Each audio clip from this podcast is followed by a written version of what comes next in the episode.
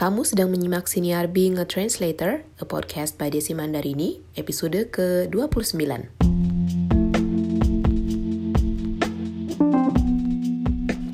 Selamat datang di podcast Being a Translator. Nama saya Desi Mandarini, saya adalah penerjemah dan juru bahasa lepas untuk pasangan bahasa Inggris Indonesia. Saya memulai karier sebagai pengajar bahasa Inggris, kemudian tidak sengaja terjun ke dunia penerjemahan, dan akhirnya memutuskan memilih untuk menekuni profesi sebagai penerjemah dan juru bahasa lepas hingga saat ini. Kali ini, saya ingin berbagi sedikit tentang beberapa hal yang saya dapatkan dari pekerjaan saya sebagai seorang juru bahasa. Sebagai juru bahasa, saya sering bertugas di acara seminar, konferensi, pelatihan, atau bahkan mendampingi klien saat mereka terjun ke lapangan, misalnya melakukan kunjungan atau bertemu dengan pihak-pihak tertentu. Nah, sebagai juru bahasa, ada banyak hal yang saya pelajari dan saya peroleh dari pekerjaan saya ini Pertama, saya bisa mendapat teman baru. Jadi klien yang saya ajak kerjasama biasanya selalu berbeda-beda, meskipun ada beberapa yang kerap kali bekerja sama dengan saya. Kemudian saya juga mendapat suasana baru, karena terkadang sebagai juru bahasa saya tidak hanya bertugas di dalam ruangan, tapi juga di luar ruangan. Saya juga memperoleh banyak pengetahuan baru tentang berbagai bidang ketika saya menerjemahkan sebagai juru bahasa. Nah, bagian ini nih yang paling saya suka, mendapatkan informasi dan pengetahuan baru yang sangat berguna bagi saya. Nah, beberapa minggu lalu saya mendapat tugas sebagai juru bahasa konsekutif di sebuah pelatihan yang diadakan oleh kepolisian. Saya tidak akan membahas topiknya apa, tapi ada beberapa hal yang saya petik dari dari pekerjaan saya saat itu. Nah, saya bertugas mendampingi dua orang pelatih saat itu yang melatih beberapa staf dari kepolisian. Ada lima hal yang saya simak selama pelatihan itu dan sangat melekat dalam benak saya. Dan saya pikir, hmm, kelima hal ini sangat cocok juga untuk diterapkan dan dipelajari oleh saya yang bekerja sebagai pekerja lepas ya. Buat kamu juga mungkin kalau kamu juga adalah pekerja lepas. Pertama, mereka menyebutkan tentang brainstorming. Nah, brainstorming ini sangat bagus. Jadi ketika kita sedang mencari suatu informasi, kita bisa melakukan brainstorming sendiri jadi kita menuliskan apa saja informasi yang kita dapatkan dan apa saja yang perlu kita ketahui tentang hal yang ingin kita cari itu.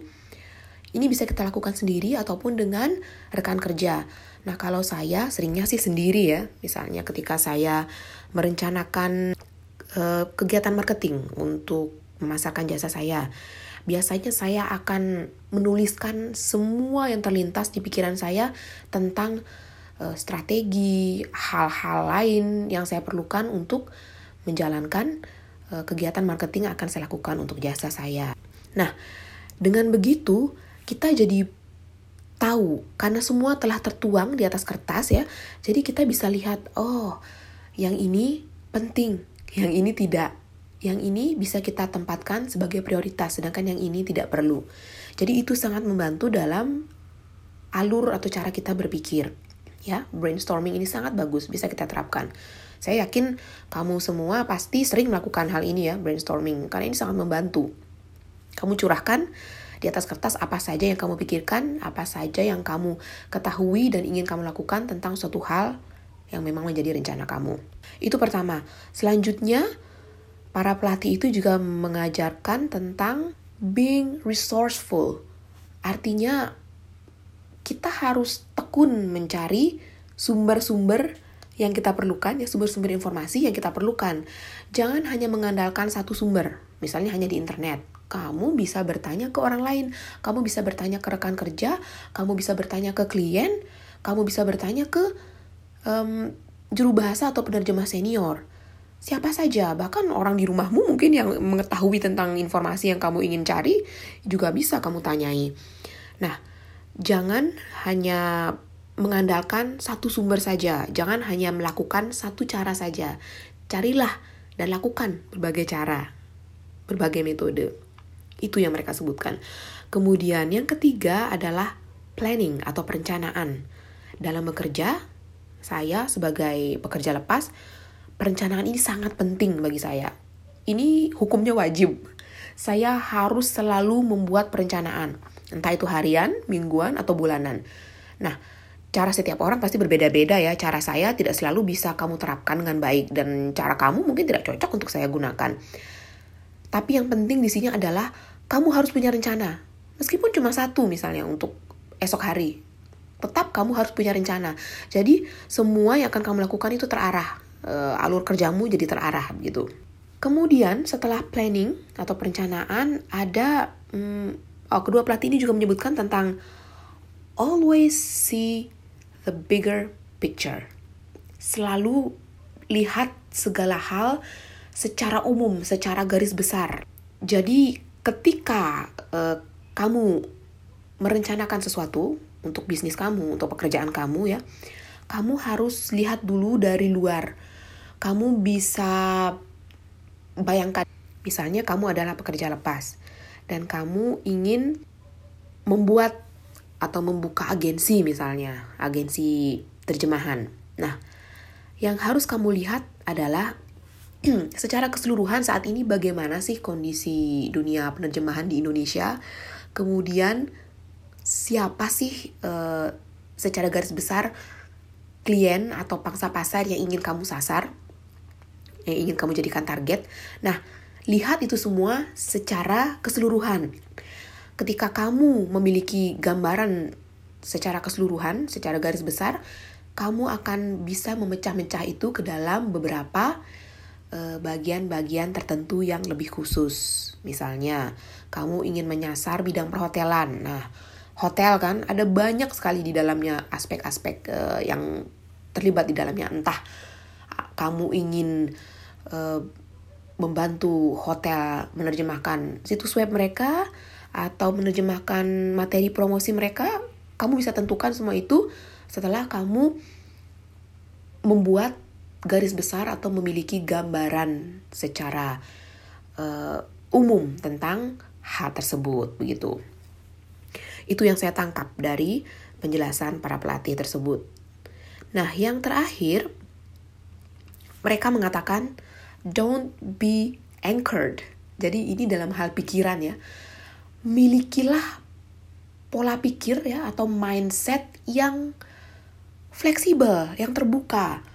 Jangan hanya berfokus pada satu hal. Misalnya kamu punya informasi A, kamu hanya berfokus pada informasi tersebut sedangkan kamu tidak tahu bahwa ada banyak faktor yang mempengaruhi si faktor A ini, faktor A ini. Ada faktor B, C, D dan seterusnya sampai Z.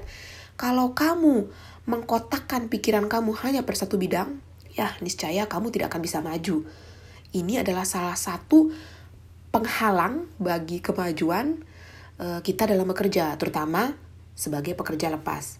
Pekerja lepas kan sifatnya sangat fleksibel ya, semuanya serba lepas, serba fleksibel. Jadi dalam hal ini jangan sampai kamu uh, memiliki mindset yang tertutup, tidak mau berpikiran terbuka. Saya sebagai penerjemah dan juru bahasa wajib selalu memperbarui pengetahuan saya dan keterampilan saya.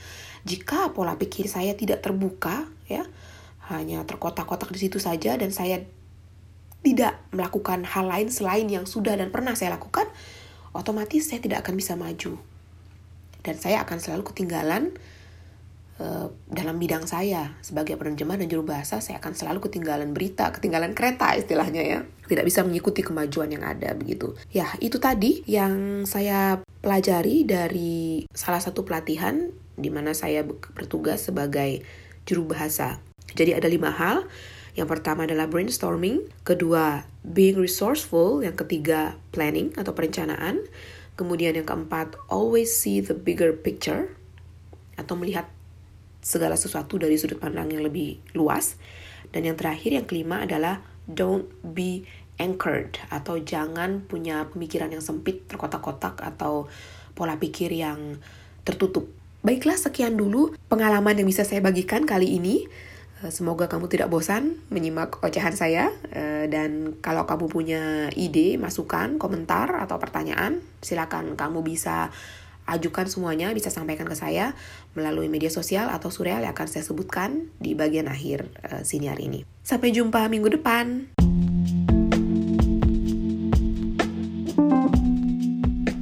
Kalau kamu suka podcast ini, jangan lupa bagikan di media sosial kamu dan beri ulasan. Saya juga menulis tentang pengalaman dan tips seputar penerjemahan dan freelancing di blog saya di www.desimandarini.com. Kirimkan pertanyaan, komentar, dan masukan kamu ke alamat email hello at desimandarini.com atau ke Twitter di DF Mandarini. Tertarik untuk menjalani karier sebagai penerjemah lepas? Atau sekadar ingin tahu lebih banyak tentang keseharian penerjemah dan juru bahasa saat bekerja? Ikuti Instagram saya di Desi Mandarini. Sampai jumpa di episode berikutnya dan salam sukses!